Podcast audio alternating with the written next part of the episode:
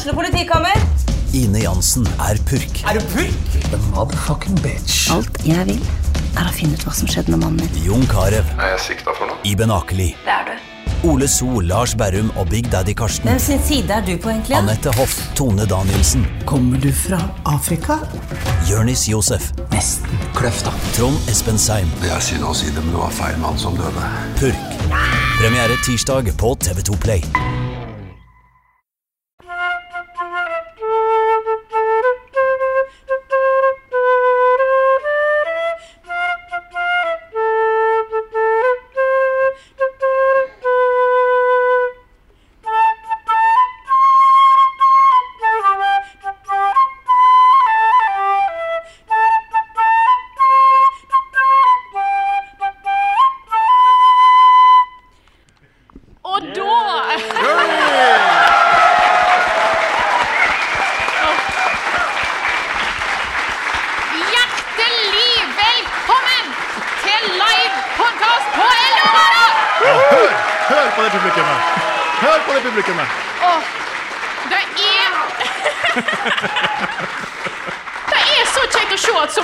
Turen her i dag. Altså. Det er jo helt eh, Det er jo nesten fullsatt sal her. Det er kjempehyggelig.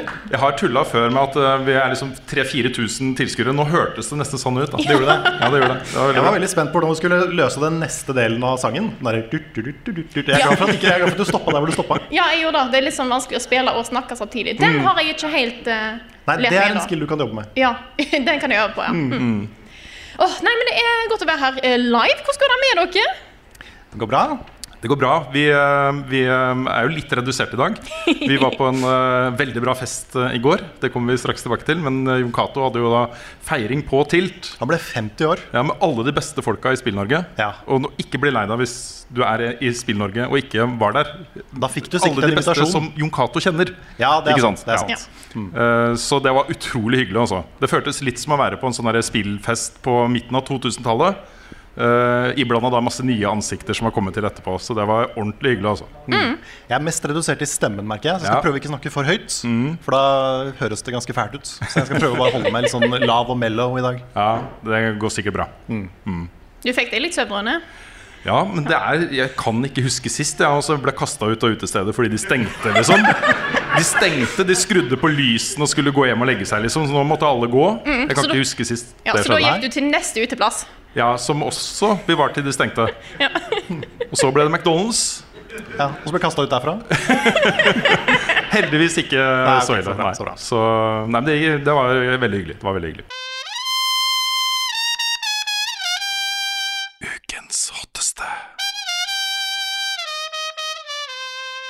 Ukens hotteste denne uka er jo eh, i hvert fall veldig eh, viktig for oss, vil jeg si, og for hele Spill-Norge. I dag har vi nemlig med en veldig spesiell gjest, som vi tisa litt i stad. I dag har vi nemlig med oss Jon Cato Lorentzen, som i går fylte 50 år! 50 år også, gamle mann.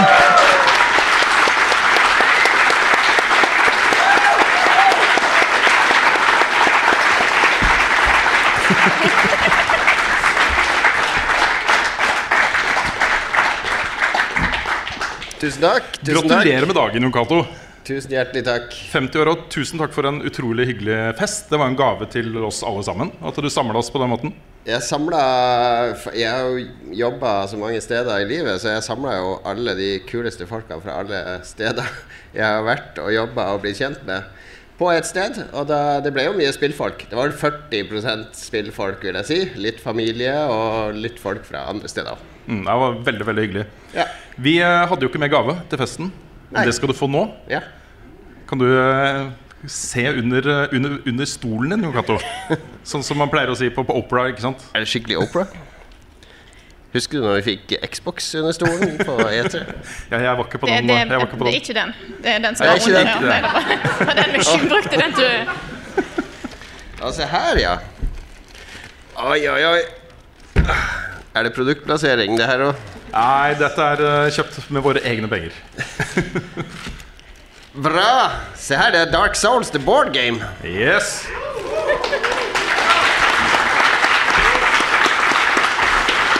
Sånn er det når du er i en, eh, en podkast som er så glad i From Software som vi er, så måtte det bli noe Souls-relatert, Ja, rett og slett. det har jeg. Jeg har så mange brettspill at jeg jevnlig må selge unna. Ja. For Problemet med brettspill er at de tar så mye plass. Altså, det er mange som samler de gamle PC-boksene. Altså Når de vokste opp, så kom PC-spill i sånne svære esker. Men uh, alt har plass. Du har akkurat flytta, du vet alt om det her. Det er så deilig å ha mer plass. Nå kan jeg faktisk fylle leiligheten min med stæsj igjen. Jeg har plass i hyller til å liksom være mer nerd. Det er kjempedeilig. At det tar ett år, så må du ha mer plass. Men du, du som jo ligger langt foran i løypa på alle oss andre, du er blitt en gammel mann, liksom. 50. Stak ut kursen for dere andre. Ja, nei, det er jo neste år blir jeg 50. Eh, Jeg må spørre, hvordan er det? Hvordan er det å bli 50? Tenker du noe spesielt? Er det noen følelser som går gjennom hodet og kroppen? Eh, det spørs hvor Hvor depressivt vi skal gjøre det. Vi kan godt eh, dra den litt ned. Det er greit, hvis du vil. Ja, vi kan dra den ganske langt ned. Vi kan Nei, fordi min far han døde da han var 60, og hans far døde da han var 60. Og hans far osv. Så, videre. så nå, hvis jeg skal følge familietradisjonen, så har jeg ti år igjen. Ja, jeg må innrømme Tror du det gikk så langt ned? Ja, jeg er jo like etter, liksom. Jeg blir jo 50 neste år. Um, og det var en veldig rar ting som skjedde når jeg begynte å nærme meg 50. Ja. Det var at man begynte å tenke Hvor mange år har jeg igjen? Ja, ja, Ikke ja. sant? Man har disse årene bak seg. Hvor mange år har jeg igjen? Og jeg opplever det ikke som om jeg er gammel, liksom. Eller at du er gammel. Nei, nei, men min far sa til meg da han var 55 at dette her skje, har skjedd en del i vår familie. Ja. Han har jo ikke noe vitenskapelig blek for det, for det er andre som har blitt eldre. Så det kan hende det skjer med deg òg, og så har jeg vært bevisst på det. Altså, da blir det jo sånn at uh, altså, hvis jeg har ti år til, så er det helt greit. Jeg har gjort veldig, veldig, veldig, veldig, veldig mye, og jeg gjør ting hver dag som gir meg masse glede. Og så får jeg ta alt som kommer etter det som en bonus. Mm. Så jeg sier jo ikke at jeg skal dø. Det var ikke meningen å dra det helt ned hit. Eh, kanskje skal jeg leve i 30-40 år til, ikke, sant? men ta, ta hver dag som en bonus når du begynner å komme opp i årene. Bare lev livet ditt fullt ut. Ikke sitt og sutre på dette. Ja, det er så mange over 50 ikke sant, som sitter i kommentarfelt og er sint på alt mulig. På sykkelfelt og på Mm. Greta sånn. Thunberg. Og, nei, da, har du, hvorfor, da kan du like godt dø når du er 50, er hvis du skal holde på sånn etter Ja, ja, 50. ja. Men hva har du tenkt å prioritere da de siste ti årene av livet ditt? Jeg, eh, Nei, det, det som jeg I hvert fall de siste 15 årene er jo å prøve å fortsette å utvikle meg. Ja. Eh, fordi nå ser jeg Jeg er veldig glad i film for tida, og der ser jeg jo bare gammel Jeg ser på noe som heter Criterion Channel, som kuratorerer Er det det heter på norsk? Kuraterer, tror jeg. Kuraterer eh, gamle, klassiske filmer. Og det er ganske sære filmer. Nå ser jeg på britiske arbeiderklassefilmer fra 50-tallet. Eh, men det For det så David Bowie på når han var ung. Og det gir en kontekst til tidlig David Bowie. Ja. Som alt henger sammen. Så jeg lærer ting hver dag. Fordi når du slutter å lære ting og utvikle det, så slutter du å leve på en måte. Så jeg utfordrer meg sjøl hele tida med å prøve å lære nye ting. Ja, Det er et veldig godt råd eh, som egentlig gjelder hele livet. Jeg husker Da jeg begynte å jobbe, så hadde jeg jo forskjellige mentorer i forskjellige stillinger opp igjennom. Og Et av de første rådene jeg fikk, var jo eh, den dagen du føler deg utlært, eh, og liksom at dette mestrer du 100% så er det på tide å finne noe annet å gjøre. Ja, da sitter du på kommentarfeltet og skriver om klima.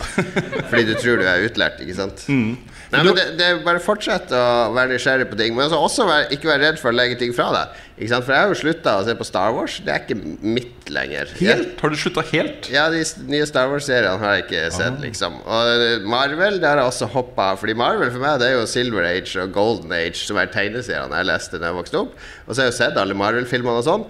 Men det er en, for en ny generasjon, så man trenger ikke du, du som menneske, du trenger ikke å klamre deg fast til alt som var barndommen og ungdomstida når du var ung voksen. For finn nye ting når du er voksen òg.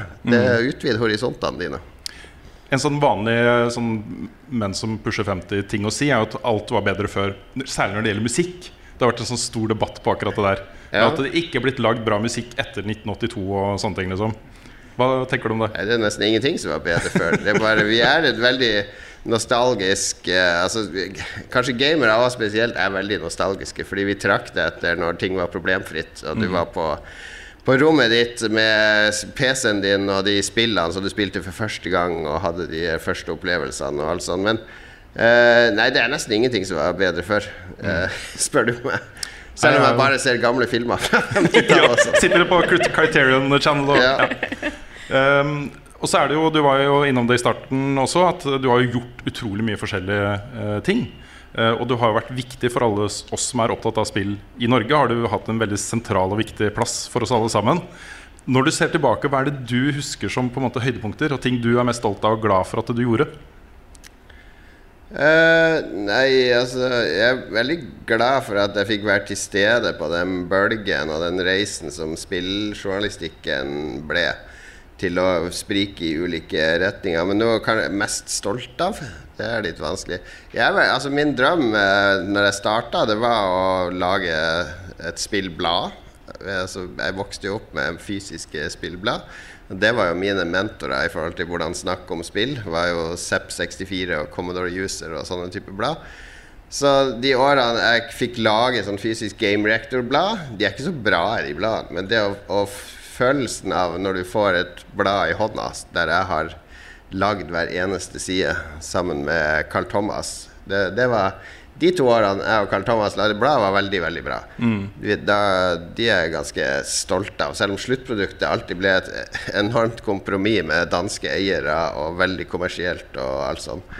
Eh, altså En del av det jeg fikk lov å skrive om i Aftenposten, er jeg ganske stolt av. Fordi der han Knut Olav Åmås, som var redaktør når jeg jobba der eh, han, eh, han er nå leder for Fritt Ord. Han er veldig opptatt av kultur, og også kultur som han ikke forstår. Så han var veldig klar på at jeg vil lære om spill, og du må skrive sånn at jeg skjønner eh, spill bedre, og hvorfor spill er viktig.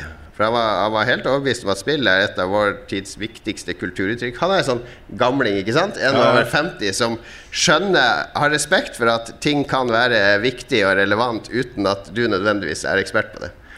Så han var nysgjerrig nok til å gi meg sjansen, og der fikk jeg lov å skrive. Jeg var jo tidlig ute og skrive om, uh, om eh, viktige ting, altså som, som uh, metoo og alt som Alt sånt skjedde jo i spillbransjen nesten litt før det skjedde i resten av verden.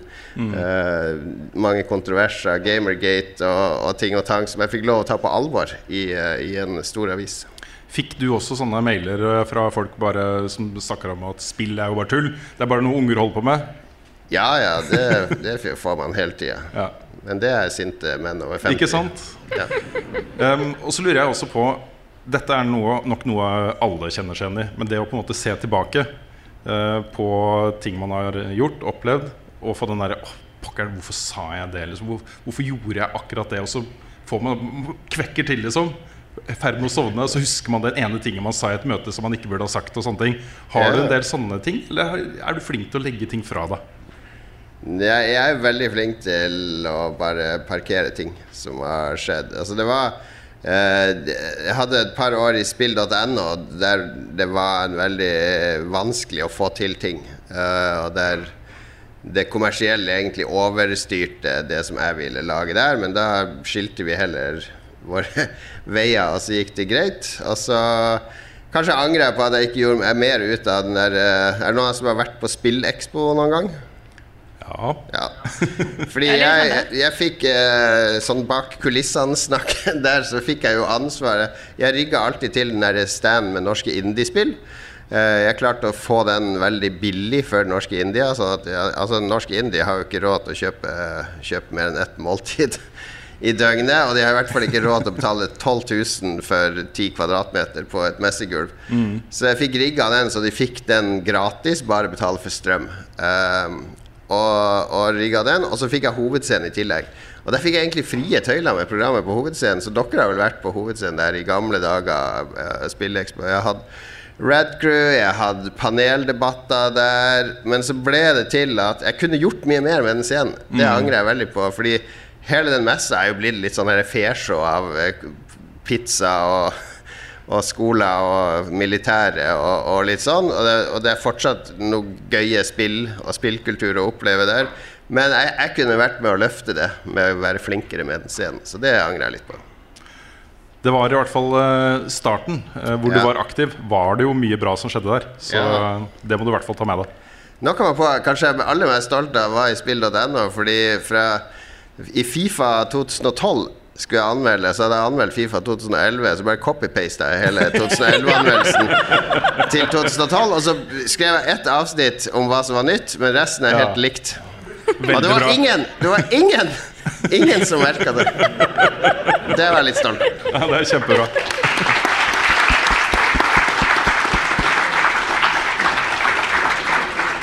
Nå er jo dette mest av en markering av et veldig rundt tall. Liksom Kanskje det året som flest feirer og markerer. Eh, eh, og vi har jo gjort et exit-intervju med deg før, eh, også her i podkasten. hvor eh, du snakka om karrieren din og hva du skal gjøre nå. og sånne ting Men jeg har lyst til å spørre deg igjen hva er det du, nå som du ikke anmelder spill på den samme måten som du gjorde før, nå skal du bare kose deg med spill. Hva er det du spiller? Akkurat nå så er jeg inne i det kaninhullet til Sam Barlow som heter Immortality. Som er, egentlig er Eller det utfordrer hva et spill egentlig er. For egentlig så sitter du bare og ser på film. Som du spoler frem og tilbake, og så trykker du på ting i filmene, og så får du nye filmklipp. Nesten, nesten som å sitte på YouTube. Men eh, nei, altså det er, det er ikke et spill i tradisjonell betydning, og det kanskje derfor jeg blir så fascinert av det. Fordi det er et spill om å catche hva som skjer i kulissene, og se sammenhenger. Men du sitter egentlig bare og ser på film. Altså, det, spilt, det tok en halvtime før jeg kom litt sånn ordentlig inn i det, og nå er jeg helt oppslukt av det. Nå har jeg i hodet mitt sånn relasjonskart, akkurat sånn conspiracy theory board på veggen med tråder mellom ting og tang, og så begynner det å skje litt sånn gufne ting. Og, så jeg, jeg skal ikke røpe så mye om det. Det er ikke et spill i, hvis du er gamer og elsker Elden Ring og sånn, så det er, det er det lengste steget du kan gå fra det. Men det kan være at det er noe for deg hvis du er nysgjerrig og vil utvide horisontene dine, som, som jeg akkurat har anbefalt. Og så har jeg sett navnet ditt dukke opp eh, på Destiny, Cato. Ja, jeg spiller litt eh, Season of uh, the Plunder, er det det det Season heter nå? Jeg er ute og, og raider piratskip i verdensrommet. Og jeg syns jo Jeg synes det så veldig kult ut, det de, det de skal gjøre i februar. Mm. Med den der hookshot-reisemåten og alt sånt. Syns det er kult at de bare tar det i nye retninger fortsatt. Mm. Eh, men har, det er jo sønnen min som er Destiny-kongen. Ja, Det er bra for meg, da, for han har jo vært med meg på raid og sånt. Og nå begynner han å introdusere resten av gjengen sin. Og de Ja. driver jo sånn racer for World First Jeg og kan jo sånne ting. booste han der. De var jo nummer 101 i verden som Ja. tok eh, det nye Kingsfall-raidet som ble relansert nå. Jeg tror lyden min forsvant. Ja, Lyden forsvant litt. Jeg vet ikke om det er uh... Den er grønn. Kanskje ja, lyden på stand for oss alle sammen, tror jeg. Og der kommer er tilbake. tilbake. Nei, de, eh, Laget hans var nummer 101 i verden som Ja, veldig bra. Kingsfall-raidet som, som kom eh, nå nylig. Så det, det er eh, stolt far. Ja, men det er kjempebra. Og så er det sånn at Hvis man er interessert i meningene til Jon Cato og hans betraktning av spillmediet, så får man det fortsatt, både i Lolbua og i Spillrevyen. Ja, eh, er litt startvanskelig, men det kommer opp fast eh, nå eh, fra og med neste uke. Men uh, Lolbua er fast hver uke. Og der, det har vært Vi har spora litt mye av fra spill. Men akkurat nå har vi en veldig artig spalte der vi kårer de 43 beste spillene fra de 43 siste årene. Så vi begynte i 1980, da. Og der, vi kåret- der kåra vi Rogue til det beste spillet. Fordi eh, Da går vi litt i dybden på spill og det spillåret og sånn, så det blir litt nostalgi med analyse. Som har blitt overraskende godt mottatt. Vi så lese, eh, Lyttertallene gikk i været med en gang. Så den spalten er ganske morsom hvis du er interessert i spillhistorie. Ja, men det er kult. Og så har jeg bare lyst til å tease, uten at vi sier noe mer om det, at vi har snakka om et, eh, et eh, helt nytt konsept også, som kanskje du og jeg og et par andre skal gjøre sammen Ja. etter hvert. Helt riktig. Så det, blir, eh, det kan bli gøy. Og gjør det før jeg er 60 og i grava. da.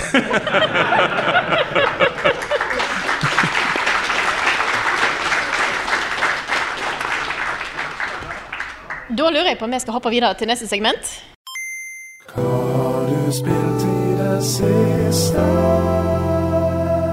Da skal vi snakke litt om hva vi har spilt i det siste. Og Rune, ordet går først til deg. Ja, jeg skal begynne med et par eh, ting som jeg ikke har tenkt å si så mye om. eh, og så gå over til det jeg har lyst til å si veldig mye om. Eh, det ene er jo at, at nå er jo anmeldelsen min av Saints Row ute på NRK, så da kan jeg snakke litt om det. Jeg endte opp med å gi det ternekast tre. Og er Det var en hårfin treer. Og så en, en ternekast to Og en to av ti, liksom, det er så lavt. To av ti, tre av ti. Det, det må være så ræva at jeg følte at, at ok, vi får gi det en treer. Men jeg var veldig skuffa. Altså. Og dette er en spillserie som, som virkelig hadde livets rett da, eh, da den kom.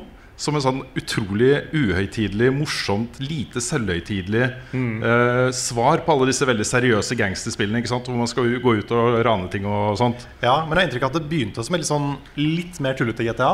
Ja. Og så ble det bare gradvis mer og mer og mer tullete. Ja. Så det ikke var GTA lenger. Ja, favoritten min er jo liksom introen på Det var vel Saints Row 4.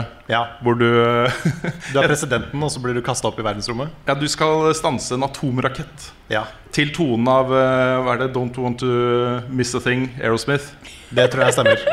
Ikke sant? Og så ender det med at du ta, åpner opp alle disse panelene, hopper av atomraketten før den eksploderer, og gir tommel opp til kamera. Ikke sant? Det er jo kjempebra. Sånt, sånt vil jeg gjerne ha mye mer av i spill. Og da var du jo også den amerikanske presidenten med superkrefter. Ja. Så øh, jeg syns det var trist, da. Fordi dette er jo litt sånn verken fugl eller fisk. da Det er øh, litt øyetidlig, litt sånn useriøst, men også ganske seriøst. Ligner mer på sånn som spill var på midten av 2000-tallet. I den sjangeren. da Eh, og hadde rett og slett ikke så gøy også. Så øh, jeg beklager hvis det er noen uh, hardbarka Saints Row-fans uh, i salen og blant lytterne våre, men uh, jeg var ikke noe spesielt glad i det spillet også. Og så har jeg lyst til å nevne også kjapt at um, jeg har jo spilt det nye raidet i Destiny 2. King's Kingsfall, som jo er det gamle raidet som kommer med Taken King. Og det er kjempegøy. Så nå er det litt sånn get the gang back together. Spille med folk som jeg har spilt mye med før. Det er ordentlig kos også.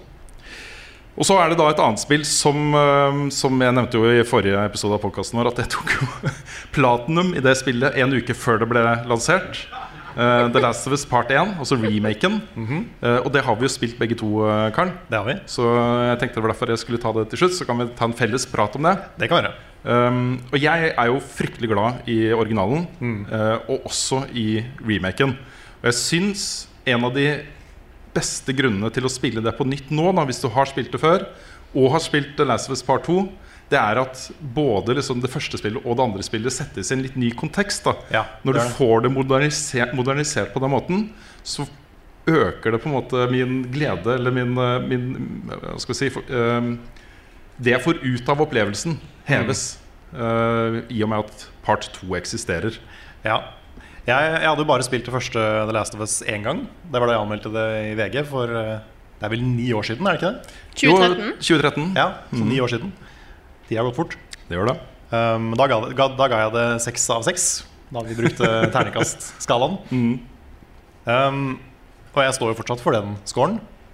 Jeg synes det er interessant å spille det igjen nå, etter å ha spilt part to. Fordi det setter på en måte det første spillet i en litt annen kontekst når du vet hvor det går. Så det var veldig interessant og veldig gøy å på en måte gå tilbake til det spillet som jeg hadde. Jeg følte jeg hadde et ganske sånn komplett bilde av, men det var mange små ting jeg hadde glemt. Det er litt interessant det med pacing og sånn, for jeg føler at det er fortsatt et spill som har 2013-pacing, på en måte. Og det var en periode i spilldesign som jeg føler at mange spill kanskje følte at de måtte dra ting litt lenger ut enn de trengte. Så jeg føler kanskje at noen av segmentene i det første spillet er litt lengre enn de trenger å være.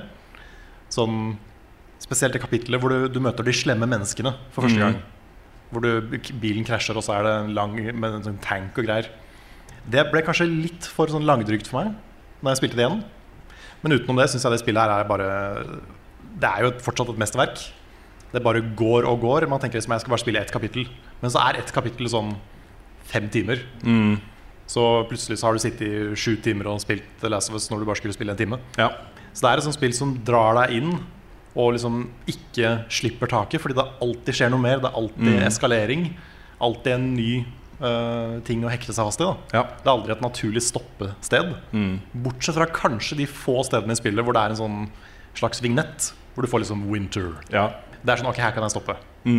Men det er, det er kanskje tre av de i spillet. Det er tre naturlige steder å slutte å spille, og da blir du sittende lenge. Ja, det er, det er vanskelig å legge det bort, rett og slett. Og, og så er jo dette et spill da, som er vesentlig kortere enn par to. Vi snakker sånn 15-16 timer, Ja, eh, kanskje. For det, det synes jeg er litt interessant, fordi jeg huska det som ganske kort. Men det var mye lenger enn jeg kunne huske. Ja, Det kan hende det er fordi jeg ikke er noe god. At jeg dør mye og sniker meg mye, og så går det ikke allikevel. Så, men det var, det var lenger enn jeg kunne huske. Men det er kortere enn part to. Det er det.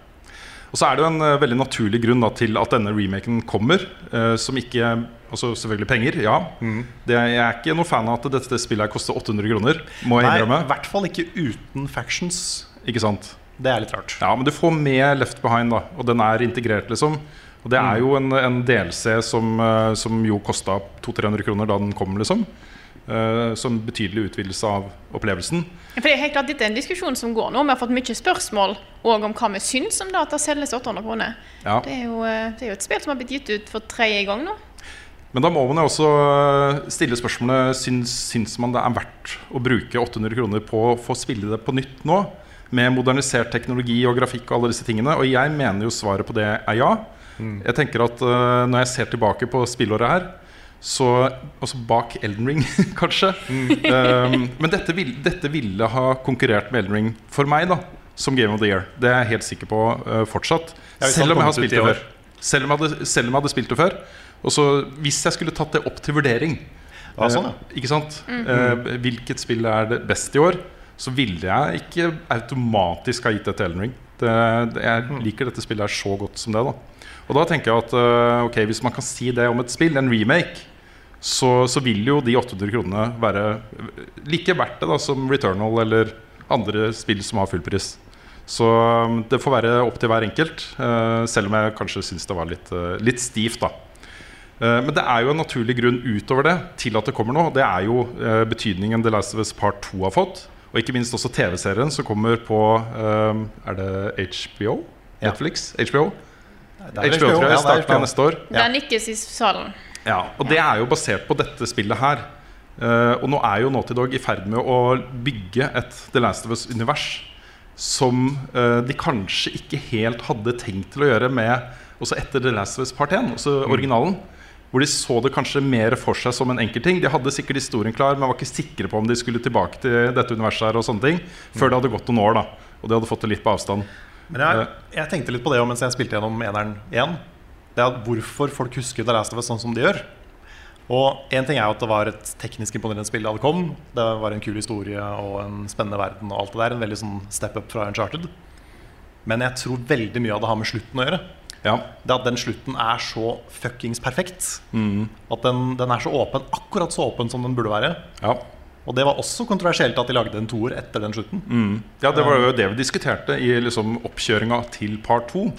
Og så hvor går man derfra? Man har på en måte avslutta på samme måte som Sopranos TV-serien gjorde, f.eks. Ja, litt mindre brå enn Sopranos, men likevel. Jo, men det er en sånn slutt som er åpen for tolkning, og hvor du legger mye av dine egne følelser og tanker inn i det som skjer. Og så du lager et bilde av Ok, kanskje dette skjer, kanskje dette skjer. Uh, hvordan går det med disse personene? Eh, Vil jeg egentlig vite hva Naughty Dog mener skjer med disse personene, eller holder det med min egen vurdering og mine egne følelser? Men en annen ting som er litt kult med det første spillet, er hvis du ser det litt i kontekst med da det kom ut. så, så spill har en tendens, fortsatt, spesielt i 2013, men fortsatt, til å være litt sånn overwritten. At det er, det er veldig mye dialog for å kommunisere ting. Ja. Men så kommer The Last of Us som et av de få spilla som har ganske lite dialog, men veldig mye som kommuniseres med liksom blikk og handlinger og mer sånne subtile ting. Subtekst vet du, det er ikke så vanlig i spill. Da. Det Nei, var det i hvert fall ikke det i 2013. Nei, det var ikke det. Nei. Og det, det merker du enda bedre nå da, med den remaken her. Og det er kanskje det beste argumentet for å lage den remaken her. Mm. At du får enda mer i ansiktene. Enda mer uh, uttrykkes via små nyanser i ansikter og i bevegelser og sånn. Mm. Som er jo faktisk med på å forsterke historien på en måte. Ja, den er jo det. Men det er, det er jo subtile små ting. Og hvis du ikke har spilt The Last of Us på ni år, sånn som jeg hadde, så ser det ut sånn som man husker det. Ja, men det er det er helt sant, for Jeg begynte jo på uh, remastered-versjonen, som kom på PS3. Uh, eller var det PS4? PS4, ja. Ja. Eh, og det var ikke sånn som jeg huska The Last of Us eh, egentlig. Nei? Og da hadde jeg jo kommet rett fra part to, ikke sant, som ser ut som Åh, det ser så bra ut. Eh, og her eh, var det ikke sånn som jeg huska det. Men dette er nærmere, da. Og det du har fått i praksis, er jo sånn eh, vegetasjon og den type ting. Ligner jo veldig på det du får i part to. Så bymiljøene og naturen og, og blader og trær og alt dette her betydelig oppgradert. Eh, animasjoner veldig bedre, mye bedre. Og også hvor responsive knappene er når du trykker på ting og beveger på ting og slår og alt dette her. Også mer sånn flyt i det. Så Ja. det føles et, som et mye mer moderne spill da enn det remastered-versjonen gjorde. Det gjør det. Samtidig syns jeg det er en litt hard sell for folk som har spilt både originalen og Ja. remastered. Ja. Fordi ja, det er mye penere. Hvis du ser det ved siden av hverandre, så er det betraktelig penere, liksom. Men når det blir så pent som The Last of Us allerede var, så vet jeg ikke liksom hvor mye folk generelt bryr seg. For da er det allerede så bra. Ja. Så det er sånn, Jo bedre det blir originalt, jo vanskeligere blir det å forbedre det. kanskje På en måte som betyr noe for folk. Da. ja. Så den syns jeg er litt tricky. Og så har det vært mye snakk om på en måte betydningen The Last of Us har hatt på spillmediet. Og det, det syns jeg det er vanskelig å, å eh, hva, skal, hva heter det? Underdrive? Man kan ikke få sagt nok da hvor stor den betydningen har vært. Fordi her snakker vi om en utvikler som kommer fra Uncharted, Crash Crash, Bandicoot. mm. Jack and Daxter, eh, mega blockbuster, Sony, PlayStation, flaggskip, alle sammen. Eh, og så lager de da en historie som, og en opplevelse som på en måte meningen er at det skal gjøre vondt. Det er eh, skapt for et mer voksent, mer moden publikum. Men det er fortsatt et sånn trippel A blockbuster-spill fra en av verdens største uh, spillutviklere på en av verdens største spillplattformer. Og det er utrolig toneangivende hvordan eh, responsen var på det spillet. Eh, hva slags effekt det hadde, hvor stor suksess det ble. Har jo påvirka veldig mange andre utviklere etterpå til å tørre å ta mer risiko når de lager disse historiene sine. Så, så mest av alt er det det jeg er takknemlig for dette spillet for. da Eh, At de har vist litt vei eh, inn i et litt mer sånn modent eh, uttrykk i spillmediet. Og så ser jeg litt tydeligere hvor vanskelig det må ha vært å lage part to.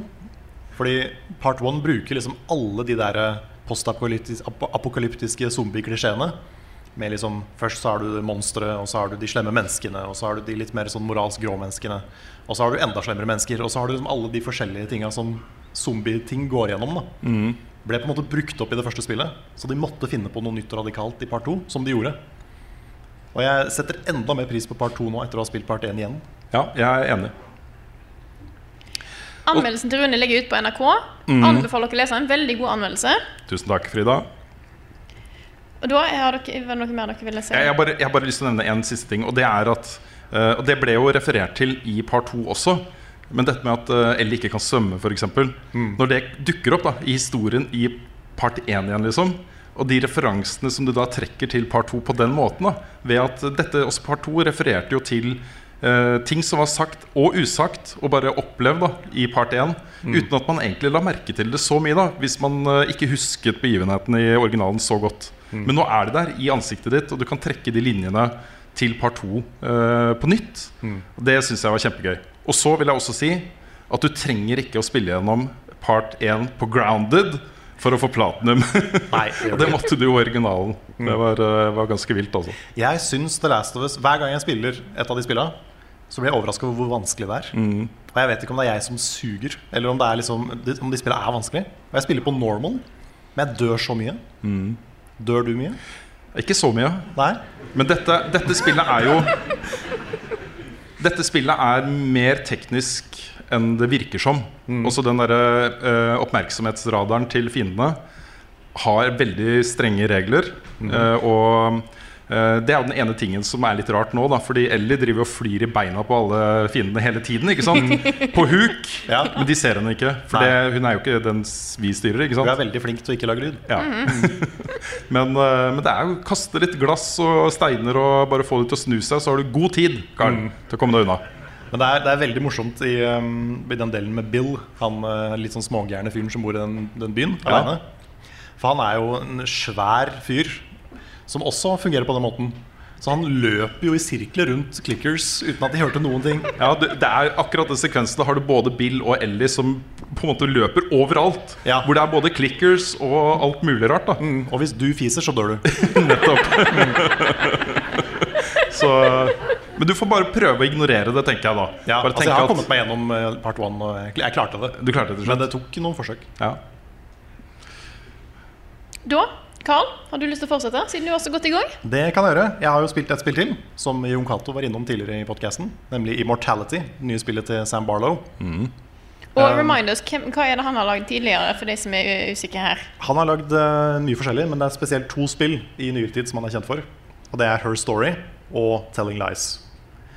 Og Telling Lies anmeldte jeg på kanalen. Jeg tror ikke vi anmeldte Her Story i VG. Nei, det tror ikke jeg heller. Men eh, det også er, begge to er kjempeverdt å spille. For de er veldig utradisjonelle spill. Som Jon Cato fortalte tidligere i podcasten Så de, de er liksom litt på utkanten av hva som kan defineres som spill. Det er mer en sånn interaktiv Interaktiv film slash viewing choice-opplevelse. Det er vanskelig å forklare det. Men Her Story så var premisset at du hadde tilgang til en database hvor du kunne søke på ord. Og hvis du søkte på et ord, så fikk du opp alle klipp med da en dame hvor det ordet blir nevnt. Så det begynner da med ordet 'murder', og så får du opp alle klipp hvor det, hvor det snakkes om murder. Og så skal du løse opp et drap ut ifra de orda du eh, hekter deg fast i. da Telling Lies er mye av det samme, bare med webkamerasamtaler istedenfor politiarkiv. Og veldig gode skuespillere. Veldig gode skuespillere. Blant annet en fra Westworld og sånn. Ja. Så det er liksom man kjenner igjen. Men, um, men i Mortality så er premisset at uh, det er en skuespiller som skulle bli den store nye superstjerna, uh, men som, som var med i tre filmer som aldri kom ut. Og så forsvant hun. Og ingen vet hvorfor, ingen vet hva som skjedde med henne, ingen vet hva de tre filmene handla om. Men nå har du fått tilgang til råmaterialet til de filmene. Så da kan du se gjennom masse råmateriale som du får opp um, istedenfor en sånn, bild, en sånn um, database med tekst. Så kan du klikke på ting i bildet for å finne andre scener som det samme er med i bildet. Og det tok det lang tid før jeg skjønte helt hvordan det funka. For hvis du da klikker på en sigarett, så finner du liksom et bilde fra en helt annen film hvor det også er en sigarett. Så har du ikke noe kontekst i starten. Du blir bare kasta ut i noe og bare skjønner ikke en drit. Men så spiller du liksom en halvtimes tid, så begynner du å hekte deg fast i et par ting. Og du begynner å se noen eh, klipp fra ting som er bak kamera. Om det er behind the scenes footage, eller om det er kamera fortsatt å rulle etter at de har ropt cut. Og da ser du ting som skjer. Litt sånn i kulissene som kan være litt mystiske og sånn. Og så, sånn som du gjør med alle Sam Barlow-spilla, så får du plutselig, kanskje etter sånn to timer, får du et sånn stort aha-øyeblikk. Sånn OK, nå skjønner jeg hva som skjer. For meg så var det også et å nei-øyeblikk. For jeg skjønte at det var skikkelig skummelt. Så eh, nå er jeg sånn jeg kan, ikke, jeg kan ikke spille det på kvelden. For jeg blir, jeg blir litt redd. Ja, men nå blir jeg eh, interessert, da, Karl. Ja, ja men det er, det er kjempebra så langt. Det tok litt tid før, jeg måte, før det klikka. Men når, når du først gjorde det, så ble det sykt fascinerende. Så nå, nå gleder jeg meg til å spille det mer og finne ut hva som, hva som er greia. Jeg nærmer meg et eller annet. Dette er tredje gangen jeg sitter og er sånn derre Han Sam, Barlow Det er et eller annet der. Ja. Dette har jeg lyst til å prøve. Men du har ikke spilt noen av dem? Ikke noen av dem. Du burde ta en stream hvor du spiller alle. Ja, det, kanskje det. Kanskje det, er, hadde vært kanskje litt kult å spille det med chat. Det eneste problemet med det spillet her, er at det er eh, masse rumpe og pupper og sånn. Så det er litt skummelt å streame på Twitch, tror jeg. Ja. Så det er ikke sikkert vi kan streame akkurat det. Nei, jeg er litt usikker på om det egentlig er lov. Hvis ikke det fins en sånn blur mode eller noe sånt. Ja. For det er litt synd å bli banna på Twitch eh, på grunn av det. Men det er ikke mange spill som har nudity warnings. Nei, men så er det liksom I tillegg da at ikke bare er det på en måte nakne 3D-modeller, det er jo virkelig Ja, det er ekte footage. mennesker. Ja, for det er, jo. Mm. det er jo footage fra en Det er live action. FMV-spill er vel det det kalles. Ja. ja full, full motion video. Full motion video. Ja. Så alt, alle disse tre spillene er jo det. Ja. Det er jo ikke 3D-modeller, det er faktiske skuespillere som er filma. Ja, jeg var jo litt stressa da da jeg starta Witcher 3 på stream, og plutselig så hadde du Geralt i, ba- bathtub og tenkte oi, OK, går det, går det galt nå? Så derfor, yes, så derfor lurte jeg på om eh, kanskje Jeg vet ikke helt om, eh, om masse pupper og sånt egentlig er Nei, jeg, jeg Nei, vet ikke om vi hadde blitt banna for å streame det. Nei, vet ikke. Nei. Jeg må i hvert fall klippe rundt i en anmeldelse, Ja. så ikke YouTube banner oss. Det hadde vært litt upraktisk på en YouTube-kanal. ja, kan ikke bare legge på noen sånne festlige stickers oppå Ja, det kan jeg gjøre. Bilder av oss. Eller Ja. Oss, ja. En liten fun fact om Saints Row er faktisk at eh, der kan du legge på din egen uh, sensur. Også sånne bilder av ender og mm. masse forskjellige ting. liksom Du kan bestemme hva som skal være på. Du skal bestemme hva, hva det skal sensureres med. Ah, ja. ja, ok. Det er en kul feature. Tenk å monetize det. Ikke sant? Plutselig så kan du kjøpe sånne små nudity avatars. De må ikke begynne å jobbe i reklamebransjen. men, eh, nei, men Immortality anbefales, altså. Jeg har ikke runda det. Jeg har bare spilt i kanskje tre timer. Og nå begynner det liksom å nøste seg sammen og bli Dritspennende. Så nå, Jeg har kjøpt det, i likhet med de to andre spillene. Så har jeg Ja. kjøpt de. men det, det, du må få med deg det. Ja. Altså. Det, det kommer til å bli en sånn diskusjon i Game of the Year. Det er ikke for alle, tror jeg. Og det er enten så digger du det, eller så øh, treffer det ikke. Mm. Det er et veldig enten-eller-spill, tror jeg. Men, øh, men jeg syns det er kjempebra. Kult. Skal jeg fortsette? Da kan du fortsette. Forrige lørdag, 27. i ja, i august, blir det vel da. Ja, tror det. Da var det Splatoon 3 demo-event. Ja. Og da kom jeg på et kvarter etter det var ferdig, ja. så da har jeg ikke spilt. Nei, Eh, og det er Det er dårlig gjort, Frida. Det var skikkelig... spalten hva vi ikke spilte i det siste. fæl, fæl tis. Men jeg vet jeg kom til å få spørsmål om det, så derfor tar jeg det opp. Ja, det eh, siden folk sikkert spør om jeg har eh, spilt det og, hatt, og hva jeg syns. Så jeg, jeg glemte det faktisk ut. Og det var fordi at jeg var så en, jeg fortsatt så veldig engasjert i Xenoblade Chronicles 3. Ja. Noen begynner kanskje å bli litt lei av å høre at jeg snakker om dette, men nå har jeg spilt ferdig hele spillet. Jeg har kommet til rulletekst, eh, så nå blir det anmeldelse. Jeg vet ikke om jeg rekker å få den ferdig før Splatoon 3 kommer på fredag, men jeg, skal gi mitt aller beste, og han kommer ut asap. Eh, så jeg kan eh, Men jeg har lyst til å si et par ord fortsatt om det. For da spillet blir altså bare bedre og bedre for hver eneste time du spiller det spillet. Det er helt tullete. Du fortalte meg litt om det i går, og da skjønte jeg at jeg må spille det her i år. Ja. Og det, det er jo et 70 timer langt spill, da. så jeg må, jeg må få tid til det på et eller annet tidspunkt. Men jeg må spille det. Jeg har jo fortsatt masse ting igjen som jeg har lyst til å fullføre nå etter jeg blir ferdig med andre ting. Og gå tilbake til det, rett og slett. En ting jeg ofte sier, men her har jeg faktisk ordentlig lyst til å gjøre det. For eh, måten det spillet her eh, har historie på, eh, og settingen den har, er helt spesiell. Det er jo et JRPG, og av og til så er måten eh, dialog blir framført på sånn det, Du merker at det er litt japansk. Men det er så mye mer ordentlig.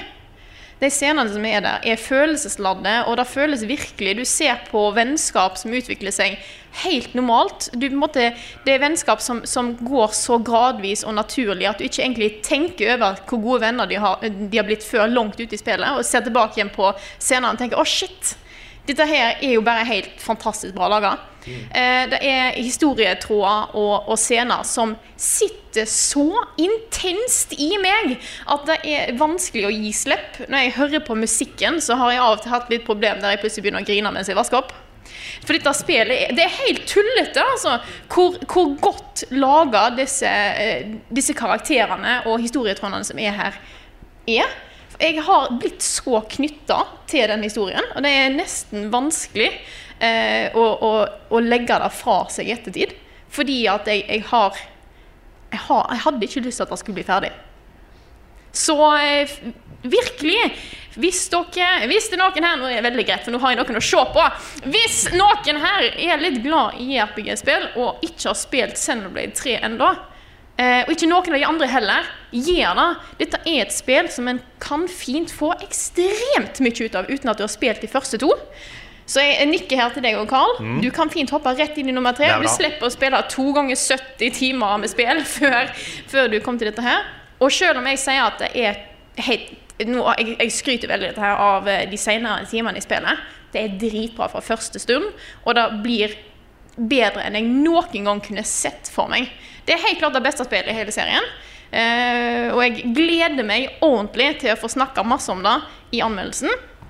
Det kan bli en litt høy score, eh, så det blir gøy. Eh, og så gleder jeg meg til dere andre òg får spilt det, for jeg trenger å snakke med noen om dette spillet. Jeg blir best. my sprø. best. Ja. Jeg liker at du ikke engang prøver å overbevise meg. Nei, det. Det, det ga vi opp for flere år siden. Jeg håper det er ikke noe sånn eh, Jeg bare jeg, jeg, jeg vet veldig godt at dette her er et spill for Carl, og jeg Mm. vet ikke om det er et spill for deg, Rune. Så, eh, så enkelt er det. Nei, det er noe med det. Ja. Nei, men det er litt gøy å snakke om liksom, JRPGs i samme episode som vi snakker om The Last of Us. Ja. For de er på helt motsatt side av subtilskalaen. Ja. Og Yes. veldig ofte. JRPGs er veldig in your face. Sånn, dette er budskapet. Ja. Dette er det jeg føler akkurat nå. Du skal slippe å lure på det. Det er jo mye av grunnen til at jeg ikke er så fan av det. Den Ja, andre men- store grunnen er jo at eh, da jeg prøvde å komme meg inn i den sjangeren, så var det mye turbasert slåssing, og det var eh, veldig sånn langdrygt. Ja. Mye random battles og sånn som jeg syns var ganske kjedelig. Så jeg kom meg liksom aldri ordentlig inn i det. Og Ja. ikke noe Og så syns jeg mye av historiene var litt sånn forced. At det var litt, eh, litt mye in my face. Så Det er jo det jeg, det er litt det jeg mener med at det har disse litt japanske trekkene. Men jeg syns faktisk at her begynner de å nærme De tar et par museskritt inn i den andre retningen, da. Med å faktisk ikke nødvendigvis fortelle alt. Sånn det, det, er, det er helt klart en utvikling i rett retning her. Og da er en av de tingene jeg liker så godt med det. Eh, og det er så stor kontrast fra forrige spill, der det var eh, veldig mye pupper. Veldig, veldig, veldig mye pupper. Og rumpa og lite klær og sånt. Og da er det ikke her, for det er blitt så mye mer voksent. Og da kler den serien så utrolig godt. Der er det å, å faktisk ta eh, historien og karakterene og settingen og alt litt mer seriøst. For ikke alt må være morsomt hele tida. Og når du da er satt midt i en krigsramma verden, som det, ting er skikkelig jævlig, så passer den tonen veldig veldig bra. Og jeg er så glad for at de har tatt den retningen. Så eh, Xenoblade Chronicles 3, dritbra. Eh, hvis du plutselig har 77 timer til overs, eller noe sånt, så, eh, eh, så ta en kikk på det. Men det er, det er, virkelig, det er virkelig verdt det. Jeg det- nekter det å føler- bruke mer enn 70 timer på dette spillet også. Nei, da. I hvert fall ikke mange tusen.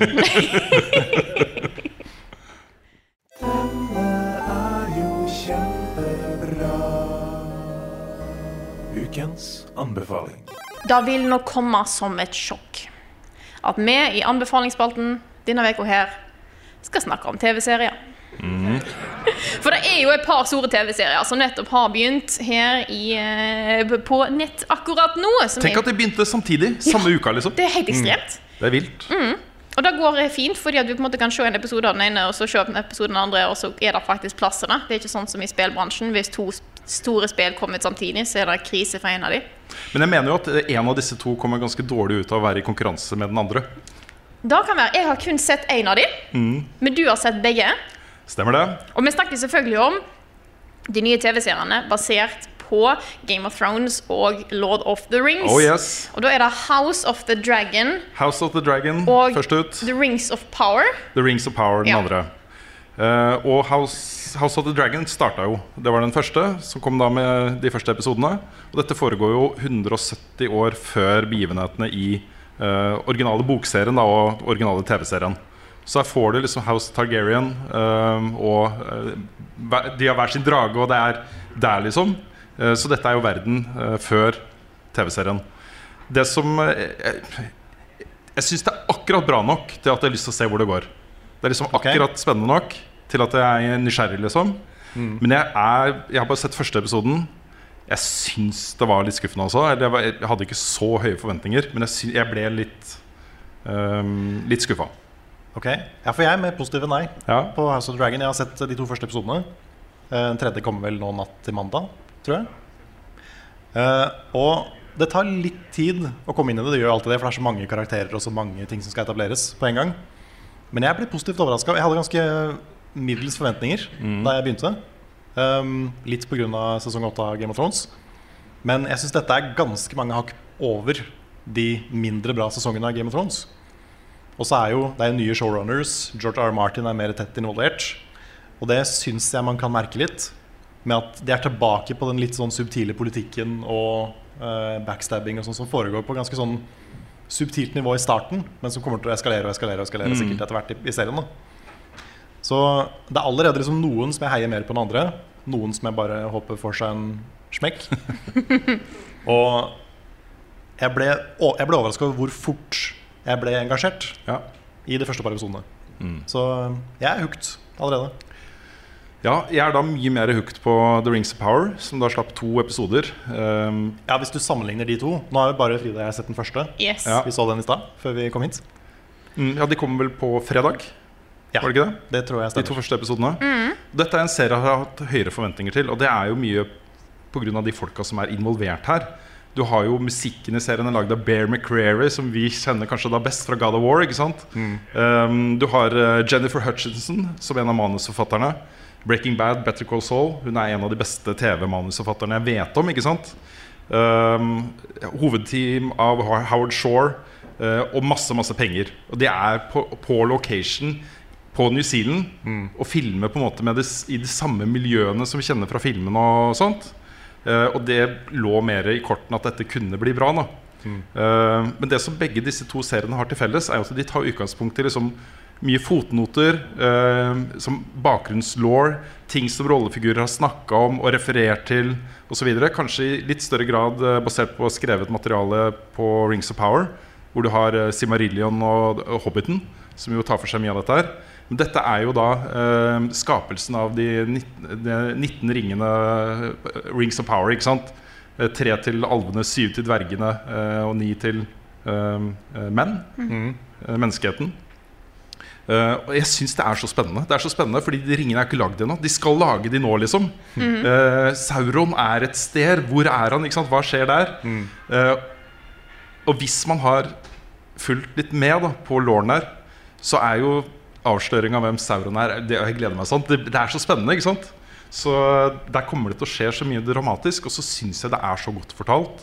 Og det, jeg var ikke forberedt på hvor godt det var å være tilbake i Middle-earth med en ny fortelling.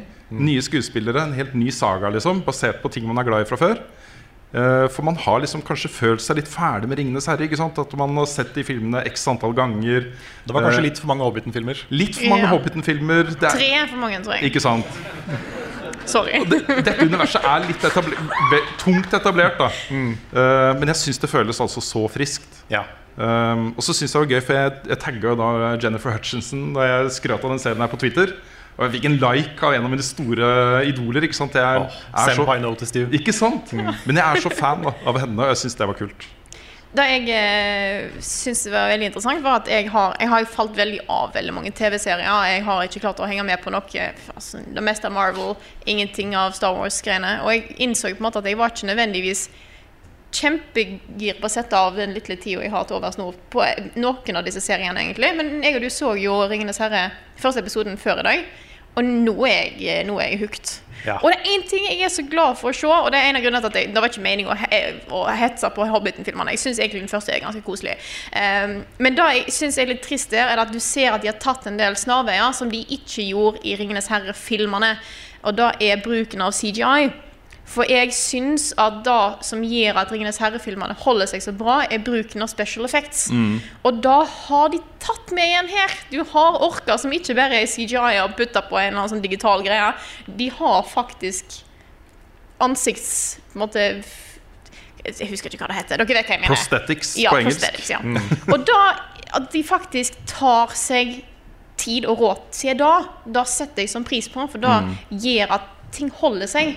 Da blir det mer tidløst, og det ser mer kvalitet ut, rett og slett. Altså, jeg mener at den type serie trenger den type budsjetter da, for å virkelig ha livets rett. Men det for å må være den dyreste TV-serien Ja. noen gang. Det ser ut som den dyreste TV-serien som er Men det er også sånn fil filmatisk så er det jo den peneste serien jeg noen gang har sett. Jeg har aldri sett så pene bilder i en TV-serie. Det er helt utrolig nydelige er lokasjoner. Også. pent. Ja.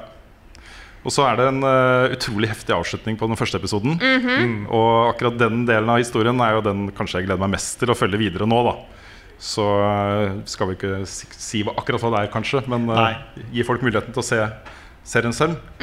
Men eh, jeg har i hvert fall blitt veldig glad i den serien, og dette er en serie jeg kommer til å følge fast. Altså. Eh, så sikkert også House, House of Dragon. Ja, men det er jo begge seriene er jo veldig det de er kjent for. på en måte um, Rings of Power er veldig Ringenes herre, og House of Dragon er veldig Game of Thrones. Den ene tingen som jeg ble litt skuffa over i House of the Dragon, da, det var i slutten av episode én. Jeg skal ikke si nøyaktig hva som skjer, men det kommer en sånn scene som er veldig sånn Vet du hva? Etter hvert så kommer Game of Thrones til å skje. Det er, sånn, de liksom, det er veldig frampek. Ja. Men det kommer jo ikke til å skje i den serien her. For dette er jo satt mange hundre år før. Så det er sånn veldig unødvendig scene. Litt sånn som er i noen av Hobbiten-filmene. Mm. Liksom, plutselig så kom eh, Saruman. Husker du han fra hva som han gjorde i Ringens herre? Det, er sånn, det er så unødvendig. Du, trenger, du La det liksom snakke for seg sjøl istedenfor å peke fram mot noe som vi allerede har sett. Så det, akkurat den ene scenen i første episode syns jeg var litt rar. ja. Men utenom det så har House of Dragon vært veldig bra. Synes jeg. Det som i hvert fall er eh, tilfellet, er jo at eh, eh, rollespill og eh, RPG, eh, fantasy setting, eh, middelalder Alle disse tingene er jo virkelig virkelig, virkelig på vei tilbake nå. Ikke minst med Elden Ring og andre ting også som har skjedd. Da. jeg, jeg spår en, en sånn liten renessanse for alt som handler om disse tingene her nå i årene framover. Også. Det tror jeg det er mange som eh, kommer til å nyte godt av. Vi snakka så vidt om det i stad. Hun som spiller Galadriel i eh, Rings of Power, Ja. hun kunne spilt Selda. ja.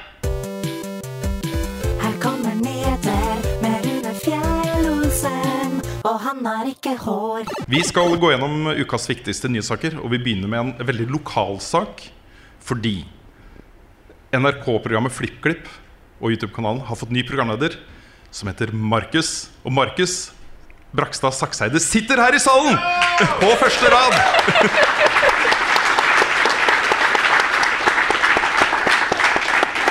Vi skal eh, gå litt sånn kjapt videre, så jeg, jeg inviterer deg ikke opp på scenen. og sånne ting Men, men jeg syns jo dette er veldig interessant også, fordi FlippKlipp er en uh, utrolig god sånn kanal for å gjøre barn spillinteresserte på en trygg og god måte. da Uh, og jeg er ganske sikker på at, uh, at Markus kommer til å få det gøy der.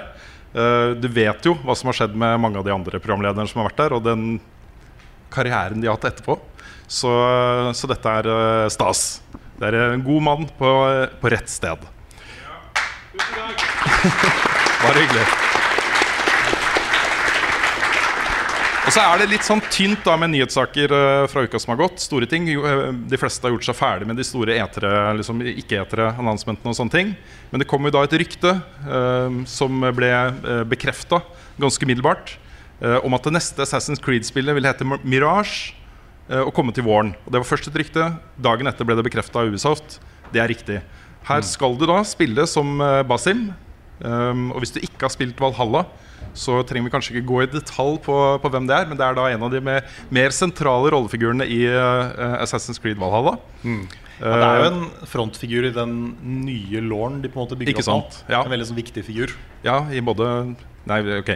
Ja. Greit.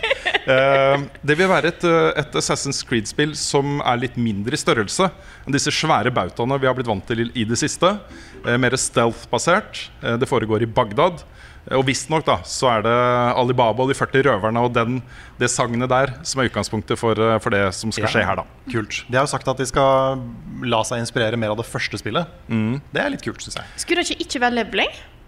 Eller husker jeg feil? Jo, at det skulle, det skulle ikke ha level- level-system.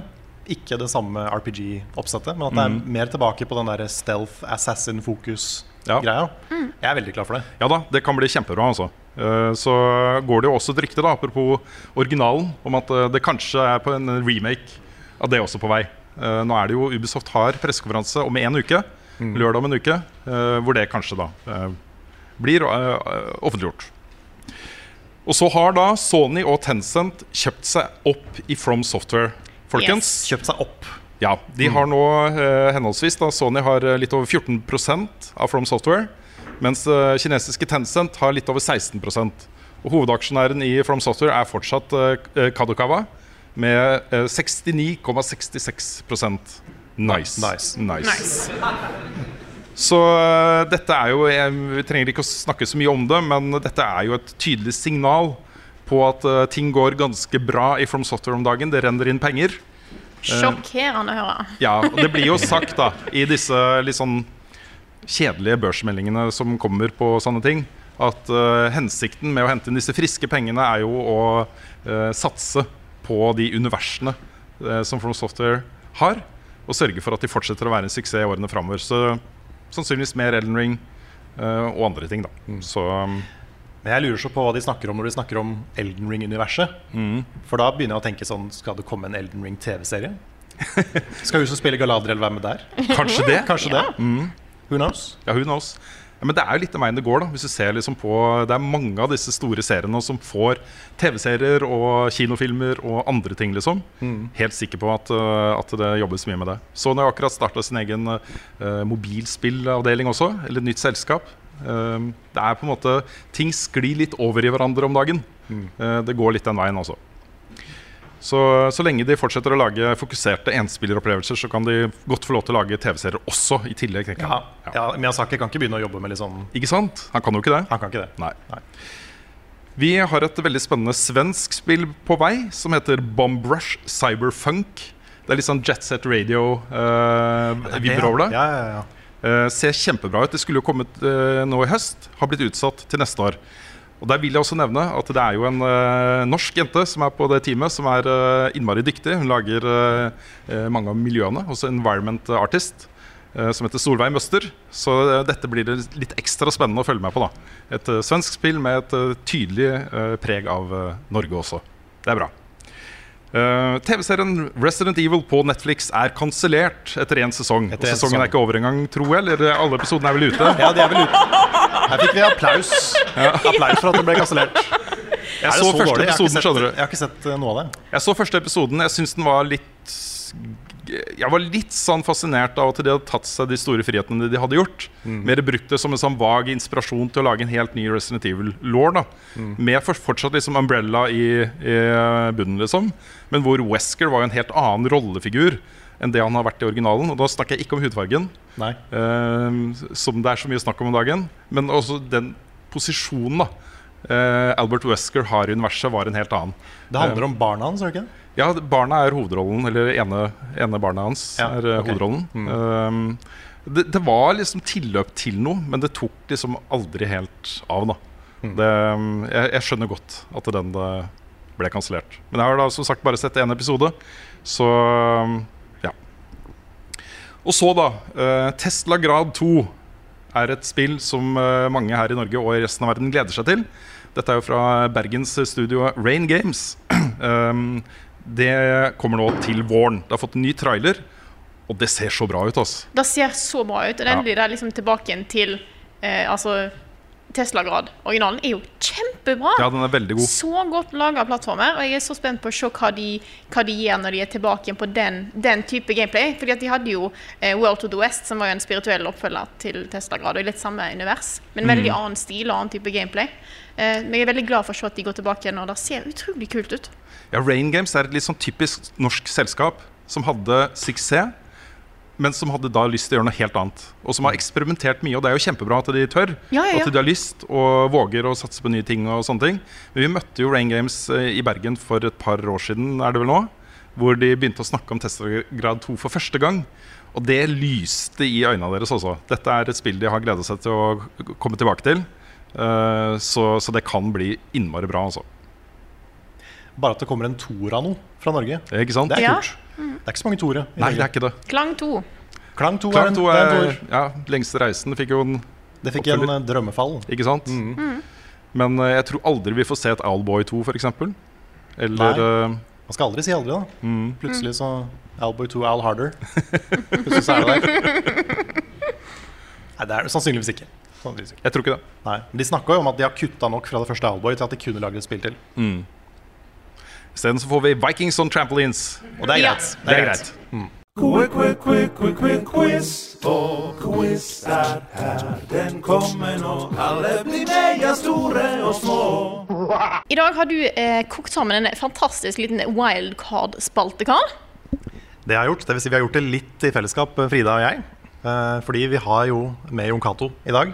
Og i den anledning har vi da to spillanmeldere som har jo holdt på utrolig lenge. Så nå kommer en liten quiz. Å nei. Og eh, for å forklare fort eh, reglene, så kommer jeg til å lese opp noen sitater. Og da skal dere gjette aller først hvem av dere to som har anmeldt Ja. spillet, og hvilket Og hvilket spill det er. Herlig, altså. Så da er det ett poeng. Å, fy fader. hvis, hvis vi skulle anslått noe, Jon Cato hvor, mange- hvor mange anmeldelser har vi egentlig skrevet? Det, jeg har ikke prøvd å telle engang.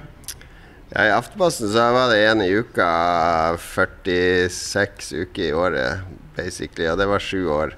Og så er det mye før, før det òg. Ja, for jeg hadde jo den spillsiden i eh, papiravisa VG også. Der var det jo ofte to og tre anmeldelser på en uke. Ja. Um, så det har blitt en del, altså. Ja, det, vi er nok over 1000 hver, Ja, i eh, hvert fall. vil jeg tippe. Dette er jo nedkortet til hva vi kunne finne. Lett tilgjengelig. Ja. Yes. Og vet du hva, jeg, måtte, jeg betalte sånn en krone for å få tilgang til Aftenposten sitt uh, arkiv. Og den kronen var det ikke verdt, ass. Det var, det var utrolig lite oversiktlig. Det var umulig å finne gamle ting. Okay. Det var ordentlig crap. Ja. Så skjerp dere Aftenposten. Men jeg fant noe. Så um, dette er da basert på det vi klarte å finne i, i stad. Um, og vi begynner da, jeg kan også nevne at det er ett poeng for å gjette person og to poeng for å gjette spill. Ok. Så um, kan du holde litt styr på score. Så bra. Da begynner vi. Mm. Første sitat. Den dramatiske konklusjonen fra oppdraget du har vært på eh, Du har vært følelsesmessig investert i den siste tim timen, punkteres når du på vei ut støvsuger lokalet for analkuler og kondomer du kan selge på kiosken. uh, det er Jon Cato, og det er uh, Cyberpunk. Ja, det er tre poeng til Rune. Det er helt riktig. Beklager at jeg tok uh, Ja, vi kan si førstemann. Vi kan si førstemann. Det er litt mer action. Det er helt i orden. Det Burde kanskje sagt det først. eh, Ja, jeg har brukt analkule i flere anmeldelser. Ja, det var det. Samme at du bare Du måtte bla i arkivet. Var det det? Den, eller den? I teksten eller personlig? Det var litt litt dårlig handel. Nei, i teksten. I teksten. Jeg har bare sett det i butikken. Okay. Neste quiz er det bare anmeldelser som har analkuler i seg. Eh, Neste sitat. Men så kommer de skjærende lydene. Noe river og sliter i bildet på skjermen. Pulsen øker. Jeg får noe som ligner mistenkelig på panikk. Så er han bare der, rett foran meg. Det stumme, livløse ansiktet. Ja, jeg, jeg har lyst til å gjette meg og Ja, Slenderman. er det. Du er god, ass. Det er, det er Rune Slender The Arrival, så du skal, Ja. få, skal få for den. Da er det seks poeng til Rune.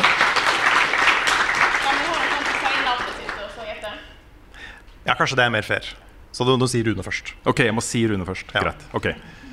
Så er førstemann til mølla. Da tar vi en til. Dette er en påminnelse menneskeheten sårt trenger. Ørkensanden sluker i seg stadig større områder. Regnskogen hugges ned. Isbreer smelter. Elver forurenses. Overbefolkning glefser i seg ressurser. Hjemplaneten vår er i trøbbel. Derfor er også Hum Hum et av de viktigste spillene jeg har spilt. Det er Rune. Jo Cato sier Rune. Ja, men jeg, jeg er ikke sikker på Jeg vet spillet. Det er Flight Simulator. Det er helt riktig. Microsoft Flight Simulator. Så ett poeng til Yokato, to poeng til Rune.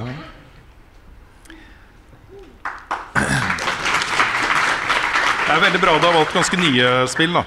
Ja, det var lettere å finne, rett og slett. Ikke sant? Men det er ikke bare nye spill. Nei, Det er noen av de som er litt, ja. litt mer deep cuts, så det blir gradvis vanskeligere. dette her uh, Neste. Spillet har en større frihetsfølelse og føles mer lekent enn de fleste av konkurrentene. Hvorvidt dette er nok til å få spillerne til å betale et abonnement på 100 kroner i måneden for å fortsette å spille når gratismåneden er over, er jeg dog mer usikker på. Rune? Junkato og World of Warcraft. Ikke riktig. Nei. Du har ett poeng, Ok? for det er Junkato, men ja. spillet er feil. Jeg har aldri anmeldt World of Warcraft, men uh, ja, det var Det er gratismåned først, og så øh, øh, Nei, det er et eller annet action-MMO Jeg jeg husker ikke. Så- Jeg kan gjette en gang til, jeg. Hvis Ja, jeg får lov. Ok, Age of Conan. Nå får du ikke lov å vite mer. Det er uh, Elder Scrolls Online. Ah. Jon Cato Elder Scrolls Online. Ah, Vi går videre. Blodige slagmarker og desperate mennesker er overalt. Som hum-hum blir vi, ving, ving, blir vi vikla inn i mange små og store konflikter underveis. Vi er en slags leiesoldat som kan bistå små og store aktører. Vi kan hjelpe desperate mennesker og bistå maktkåte herskere. det, er Rune, det er Rune med Far Cry 2. Rune med Far Cry 2. Begge deler er feil. Da får eh, ingen poeng for navn, men uh, Da sier jeg Jon Cato Far Cry 3. også feil. Men det må jo få poeng for. Nei, det får du er ikke, det får du ikke poeng for. Det var, det var Jon Cato, The Witcher 3. Aha. Neste sitat. Jeg nekter rett og slett å tro at Nintendo har ligget våken om nettene og drømt om å lage dette spillet her. Slik jeg ofte liker å tenke når jeg spiller et nytt Hum-Hum-spill. Og det skuffer meg. Uh, jeg tror det er Rune, men jeg vet ikke hvilket spill det er. Um, det, det, det kan ha vært Metroid Other M. Det- Jon Cato får poeng for å si Rune, men det er ikke Oliver. Nei, for det er noe du har lagd selv. Det er nok noe Nintendo har lagd selv. Er det We Music? Nei. Bra, bra gjetta, Er det ikke Super Mario Odyssey? Nei, Nei, jeg bare det er ingen poeng. Det er New Super Mario Bros 2. Ja, det stemmer det. Det er coinspillet. For det er bare masse penger overalt. Stemmer det. Moral, det burde litt- vært We Music. Ja, det burde vært Music. Neste sitat. Det er et hardt liv, men man er i det minste fri fra sivilisasjonens lenker, hevder den karismatiske lederen gang på gang. Det er eh, Rune. Det er Jon Cato, Red Dead Redemption 2. Begge to er helt riktig. Bra jobba.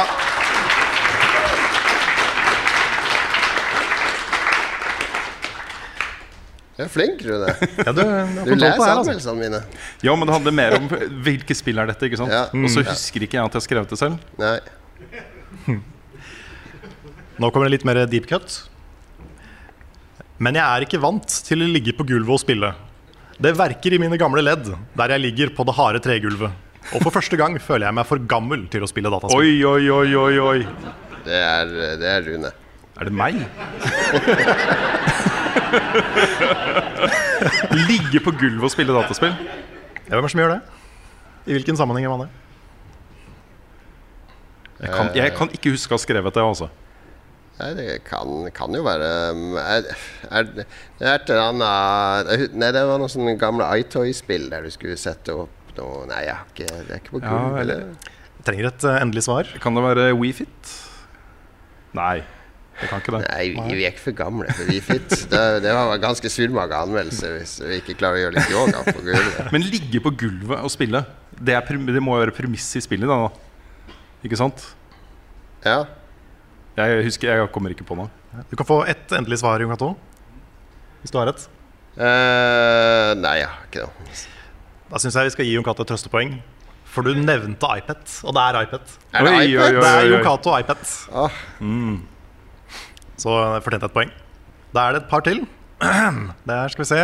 Ja, for vi skulle, de skulle leke med han nede på gulvet, ikke sant? Ja, det var sånn stemmer det. Stemmer det. At han, det der dyret gikk rundt på gulvet, så du måtte ned og klappe. Og Og da var du for gammel til å spille, anmelde dataspill. jeg er i hvert fall for gammel til å spille iPad. For åtte år siden ville jeg ha gispet og jublet meg gjennom hum-hum. I dag får det bare en håndfull gisp og et knippe woohoo. Jon Cato. Det, er- det er i hvert fall Rune. Stykket opp, for å være helt ærlig, av noen drøye gjesp. Ja. Det kan ha vært så mange spill. Jeg, jeg husker ikke hvilket spill det er. Nei, du vil ikke tippe? Saints Row. Jeg ville sagt Saints Row, men jeg tror ikke jeg skrev akkurat det i Saints Row-anmeldelsen. Men det er Nei, det er riktig at det er Rune. Spillet er God of War Ascension. Ja, det stemmer det. Jeg var ikke noe så fan av den. Da er vi aller siste. En kombinasjon av gammel kjærlighet som blusser opp, og en glede over at spillmediet fremdeles evner å vekke fersk, brennende lidenskap, kanskje. Og jeg er ikke alene. Vi spillanmeldere må stort sett haste videre til nye spill når anmeldelse er levert, men jeg har på følelsen av at Hum Hum kommer til å følge meg og mine konkurrenter i lang tid. Ja, Rune. Jeg uh, har lyst til å si Returnal, altså. At det er jeg og Returnal. Men jeg, jeg tror det er et annet spill. Men jeg, jeg tror det er jeg som har skrevet det. hvert fall Ja, jeg tror det er Rune. Ett poeng for at det er Rune, men det er ikke Ikke Returnal. Nei. Da Kanskje nye God of War? Da må jeg si svaret. Trials Evolution. Oh. ja, men det er jo helt sant. Det er Ja. helt sant. Gratulerer, Rune. Du vant, eh, du vant ganske overlegent. den- den. Suverent. Takk.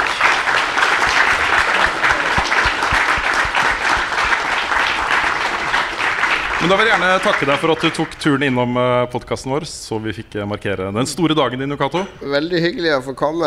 Nå, nå tapte jeg med vilje for å gi deg litt sånn Ja, boost, så, ok. du, så du kanskje kommer på spillquiz med Magnus og Nukato Ja, i oktober. Ja. vi, må, eh, vi må gjøre trå til der, eh, Karl. Vi må det. Vi må få, Vi må, vi må danne et superlag, Ikke sant? sånn som i gamle dager. Ja, Knuse alle. ikke sant? Tusen takk for at jeg fikk komme og, og fortsette feiringa av min 50-årsdag, og tusen takk for gave. Tusen takk for at dere holder det her i live og fortsetter med det. Og tusen takk for fløytespillinga, Frida, for det er eh, du, er, eh, du formidler spillkultur på, på fantastiske måter. Så takk til dere alle. Jon Cato Lorentzen, alle sammen!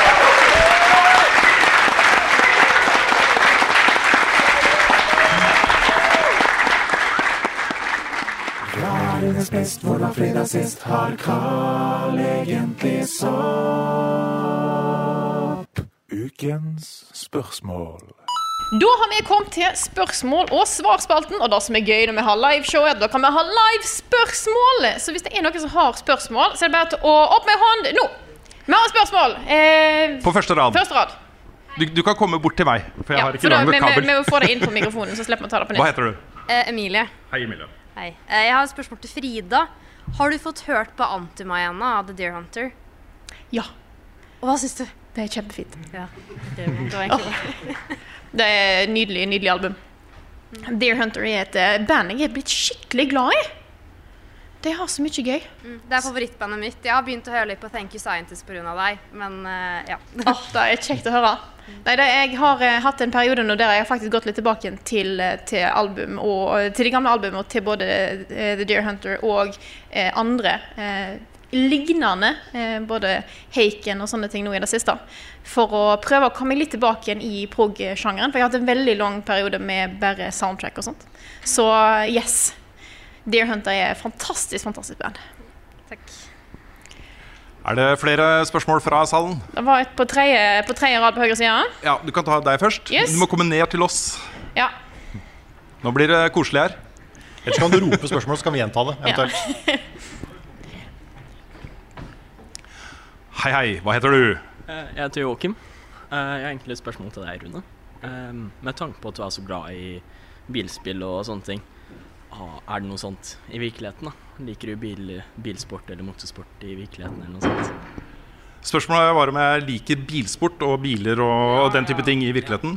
Altså, Jeg har lappen og har hatt lappen siden jeg var eh, 19, men jeg har aldri eid en bil. Jeg har aldri eid en bil. Uh, og jeg bor nå midt i byen og er eh, flittig bruker av bilkollektivet og hyre og alle disse bildelingstingene som er. Men en av mine favoritting her i verden Det er å reise på steder hvor man liksom må leie en bil da eh, for å komme seg rundt. Og eh, Jeg tror jeg har nevnt dette her før i podkastsammenheng, men det kuleste jeg har gjort når det gjelder bil, det er å fly til eh, Los Angeles for å dra på E3, men svippe innom Las Vegas i en, en Mustang. Aleine, liksom. Ned gjennom ørkenen. Det, var, altså, det bare føles så godt. Jeg vil også nevne at jeg, jeg gifta meg jo i Las Vegas. Og da tok vi roadtrip etterpå. Hvor vi kjørte ned til San Diego gjennom eh, Joshua Tree National Park. Opp kysten, Highway 1 til, uh, til Los Angeles. Så opp til uh, California, Napa Valley, Seattle. Og det er sånne turer som det der er liksom ikke mulig å få til uten en bil. ikke sant? Altså, du kan ta toget, og det er kjempefint, og buss og sånne ting. Men det å kjøre selv liksom, i en litt sånn amerikansk muskelbil er gøy. Og så har jeg en drøm om å en gang få ordna meg en skikkelig fet uh, sportsbil og kjøre Nürburgring. Nordsleife. Det er, liksom, det er en sånn drøm jeg har da, om å få gjort det en gang. Men jeg vet ikke om jeg noen gang eh, tør. Takk skal du ha.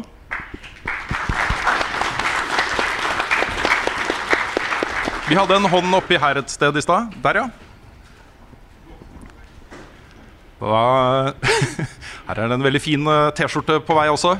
Ja. Glittergull. Oh, han har glitter-T-skjorta. Yes. Ja. All right. Hva lurer du på? Eh, Det er jo en veldig trend, ikke bare i spillmiljøet, men også i eh, film- og TV-serier, med at det lages mest sequels, reboots, remakes uh, osv. Gjerne fordi det er, snakkes om at det er dyrere å satse på nye IP-er. Er det en bekymringsverdig utvikling? Er dere bekymret for det? At vi får heller Star Wars 47 enn en ny som, som The Last of Us-type ting? Det er alltid litt skummelt når, eh, når den frykten for å ikke tjene penger kanskje kan gå utover det som blir skapt. Eh, At du ender opp med at de mest kreative tingene eh, ikke får lov til å bli lagd, for en heller vil lage oppfølger nummer 43. Mm. Det, er, det er et større problem med spill føler jeg, enn det er med noe annet. Mm. Fordi spill kanskje er det dyreste å lage, og så blir det enda mer risky å lage nye ting. Mm. Um, og det har jo alltid egentlig vært sånn med spill, at det har kommet veldig veldig mange oppfølgere. Helt siden begynnelsen. Nintendo har også vært veldig veldig flinke til både oppfølgere og uh, reissues Ja. av gamle ting. Det er sant. Og um, jeg skjønner hvorfor det er sånn. Og så er jo ofte oppfølgere bedre når det kommer til spill. I motsetning til film, så er det liksom, der er ofte oppfølgerne dårligere, men med spill så er det ofte omvendt. Men eh, det er jo synd at ikke det er mer rom for å eksperimentere. Mer rom for å feile, rett og slett. Jeg synes jo også at måte, Det er mange oppfølgere som er fantastisk gode, og da er jeg veldig glad for at folk lager det. Det er ikke sånn at en nekter å se eller eh, spille en oppfølger. Langt ifra. Men, eh, men en ser det jo òg mer i de større selskapene òg, da. De som har, enda, altså, de har penger til å lage store ting, og da har mer å tape. Mm. så er det jo også rom for det andre. Da, men det, det skulle alltid skulle ønske det var mer rom for det, selvfølgelig. Mm. Men jeg sitter jo nå og spiller Immortality av Sam Barlow, det tredje veldig eksperimentative spillet han har lagd. Så det fins jo, og det, det er veldig bra. Det er veldig deilig at det liksom fortsatt er mulig å finne de tinga der. Mm. Jeg, jeg, jeg tror at uh, spørsmålet til Carl Drogo uh, er veldig relevant. Fordi eh, Sony har gått ut og sagt at de tar mindre risk nå enn de gjorde før. Eh, de har sagt at eh, det er nå så dyrt å lage spill at den type risker de tok før, eh, kan de ikke gjøre like ofte lenger. Eh, de har niksa en del nye prosjekter eh, hos forskjellige studioer fordi de føler de er for risikable. Men det vil fortsatt komme helt nye ting, for man ser jo at den beste måten å tjene penger på på sikt, er å starte noe nytt som blir veldig populært. For man ser ofte at en del av disse gamle seriene, Call of Duty, Far Cry, Assassin's Creed, sånn opp og ned, svingninger eh, Folk mister litt interessen etter hvert. da Mm. Eh, Så eh, når man får da en suksess som Elden Ring, eksempel, selv om det liksom er Dark Souls 4, da, egentlig, så ser man effekten av å lansere noe nytt som treffer. Og den risken vil fortsatt de store utgiverne være villige til å ta, men ikke like ofte som før. Mm. Det som er gøy med at det blir sånn at disse store prosjektene er så dyre at de ikke tør å ta store risker, er at det setter liksom enda mer fart i indie-utviklere. Som ikke er redd for å ta risk i det hele tatt, og som får mye mer plass og rom da, til å komme med sine helt nye, geniale konsepter som de store ikke tør å eh, begi seg ut på. Og som igjen kanskje vil inspirere kan, kan, de store da, til å ta, eh, hente inspirasjon fra mindre spill inn i sine nye, nye ting. Så, så jeg mener jo helt seriøst at selv om det er mindre innovasjon kanskje hos noen, så har spillmediet aldri sett mer spennende ut enn det gjør i dag. altså. Det er helt sant. Det Indie-delen av spillmediet nå er jo fantastisk. Og da, akkurat den biten ser en jo mindre av i f.eks. TV og TV-serier og film.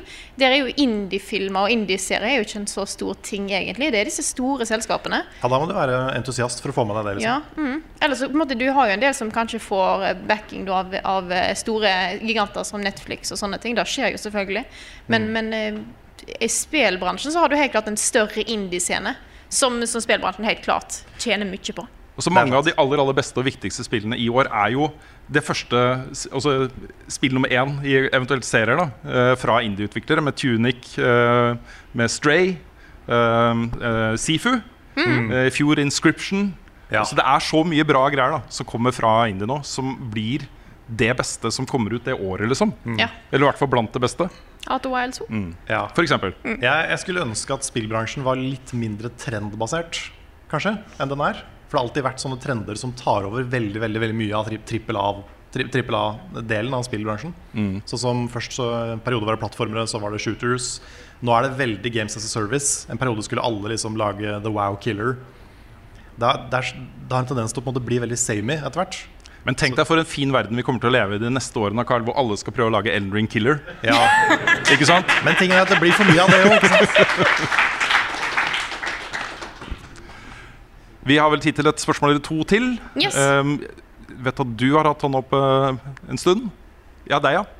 I mellomtida så innser jeg at jeg, jeg trodde jeg faktisk hadde anbefalt det albumet som kom spørsmål om tidligere. Det har jeg ikke, så jeg anbefaler virkelig alle å høre på Antimai av uh, The Dare Hunter, for det albumet er dritbra. Her kom det en anbefaling også på tampen. Yes.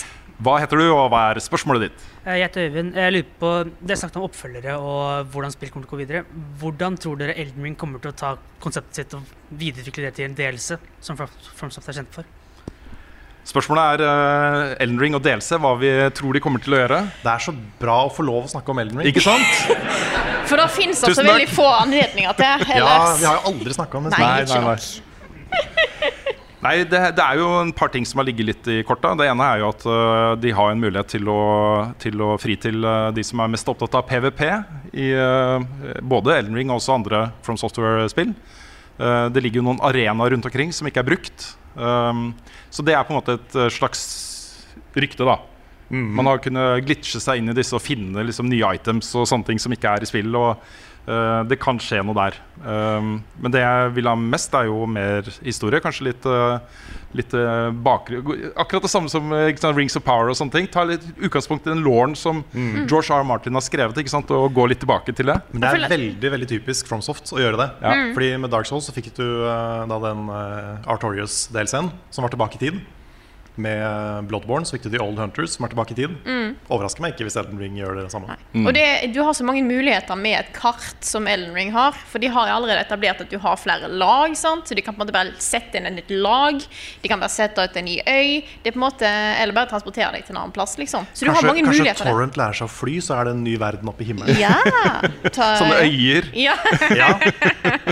Nei, men, Svevende eh, øyer. Mm. Men det er jo kanskje to ting spesielt da som er veldig sånn opplagte DLC-ting i Elden Ring. Det ene er jo det du snakka om, med de Colosseum-områdene som er helt ubrukt. Men det er også det egget nede i um, nede i- Mog ja. ja. Blood, hva heter det området? Eh, det heter uh, Mogwin Palace. Mogwin Palace. Der kan det skje ting. med Mm. Det egget som er der. Og så har du også midten av kartet, som alle de svære tårna i spillet peker mot. Der er det kanskje noe. Mm. Og i tillegg, så hvis du ser på verdenskartet, så ser det ut som en finger, men det mangler en del. Så kanskje, kanskje den delen dukker opp. Ikke sant? På en måte. Ja. Jeg er ganske sikker på i hvert fall at vi kommer til å få Elden Ring DLC, og så et Elden Ring 2. Ja. Det er jeg nesten helt sikker på. Såpass, ja. Mm. Og så en TV-serie og et mobilspill. ja. Kinofilm. Yes. Vi tar eh, et siste spørsmål, eller? Hva er klokka nå?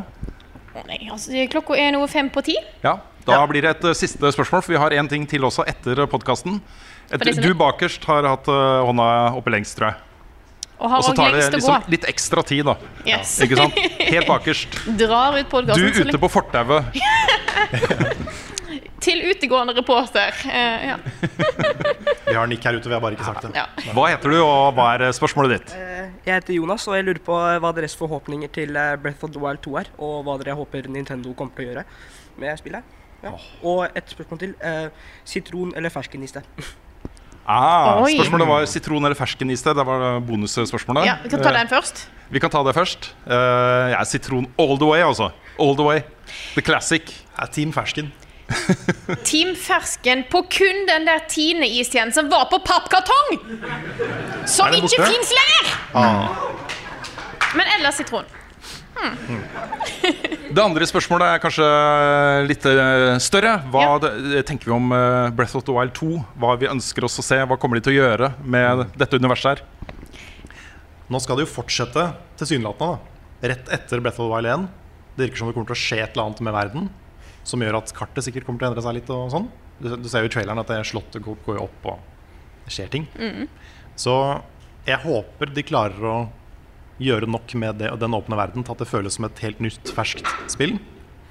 Jeg vil jo egentlig ha mer Breath of the Wild, Ja. fordi det spillet var ti av ti incredible, liksom.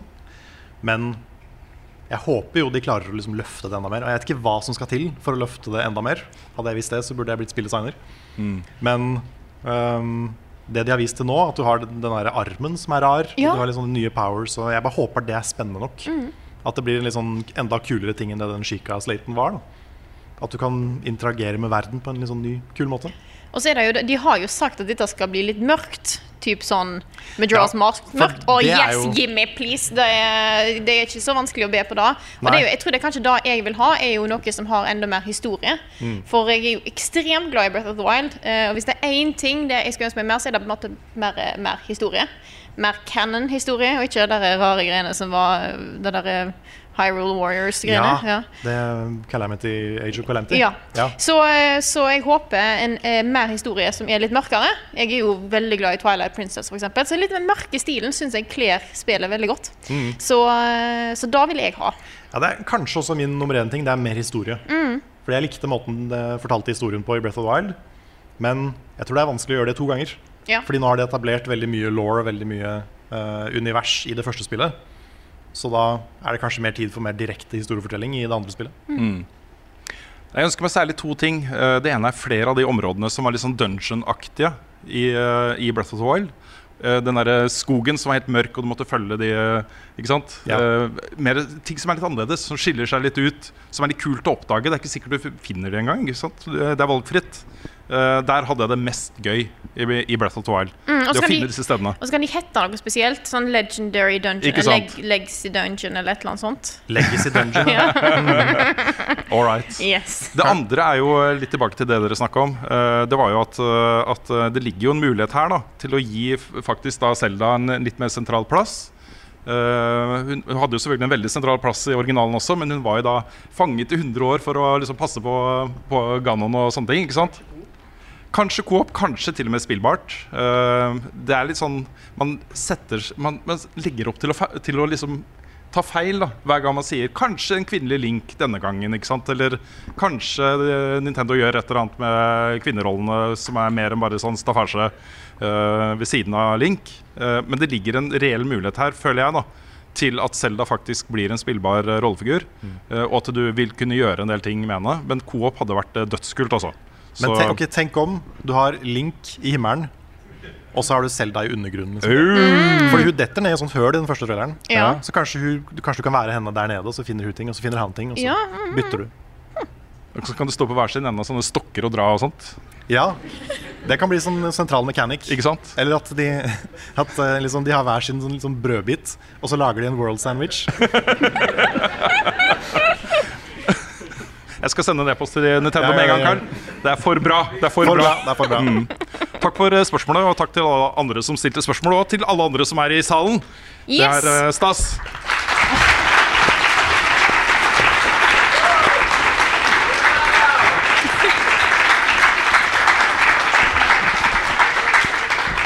Det så tror jeg vi skal ta en runde av denne der podkast, podkast i hvert fall. gjør vi. Tusen takk til alle som har eh, møtt opp. Det er utrolig kjekt å ha, en, eh, å ha publikum som er så responsive og så ivrige som dere er. Å, det er så koselig! Det er veldig koselig.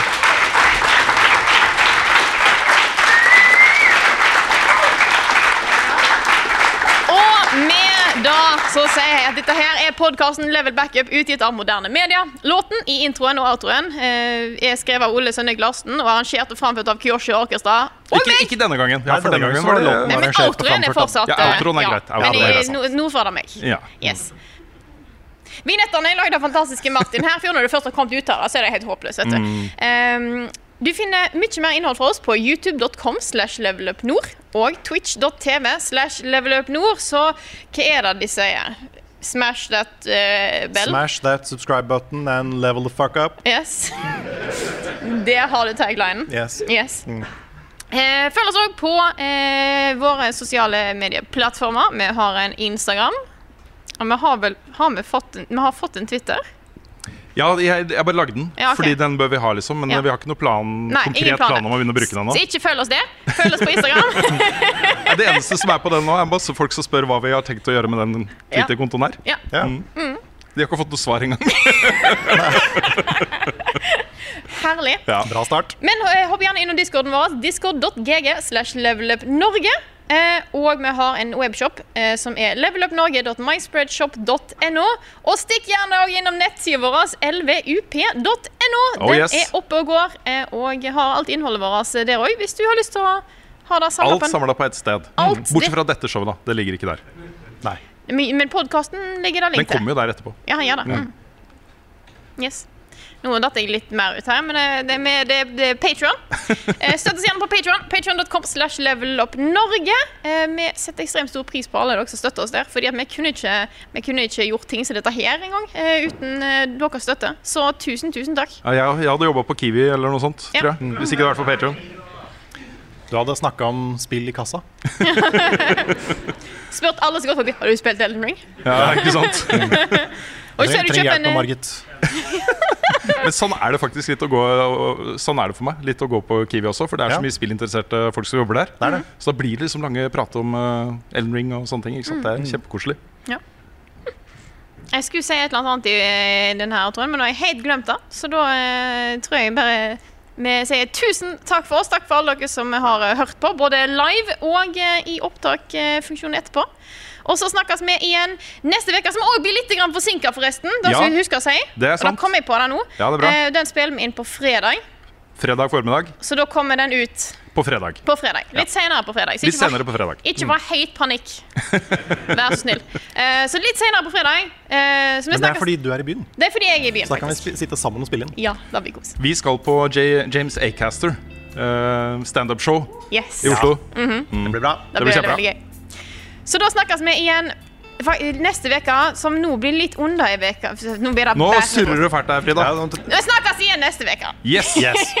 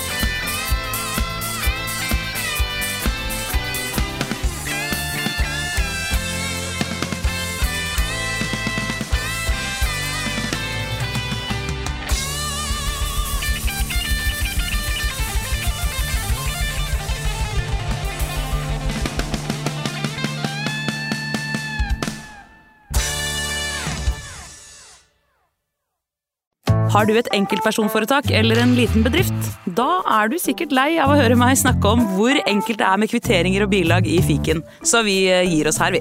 Fordi vi liker enkelt. Fiken superenkelt regnskap.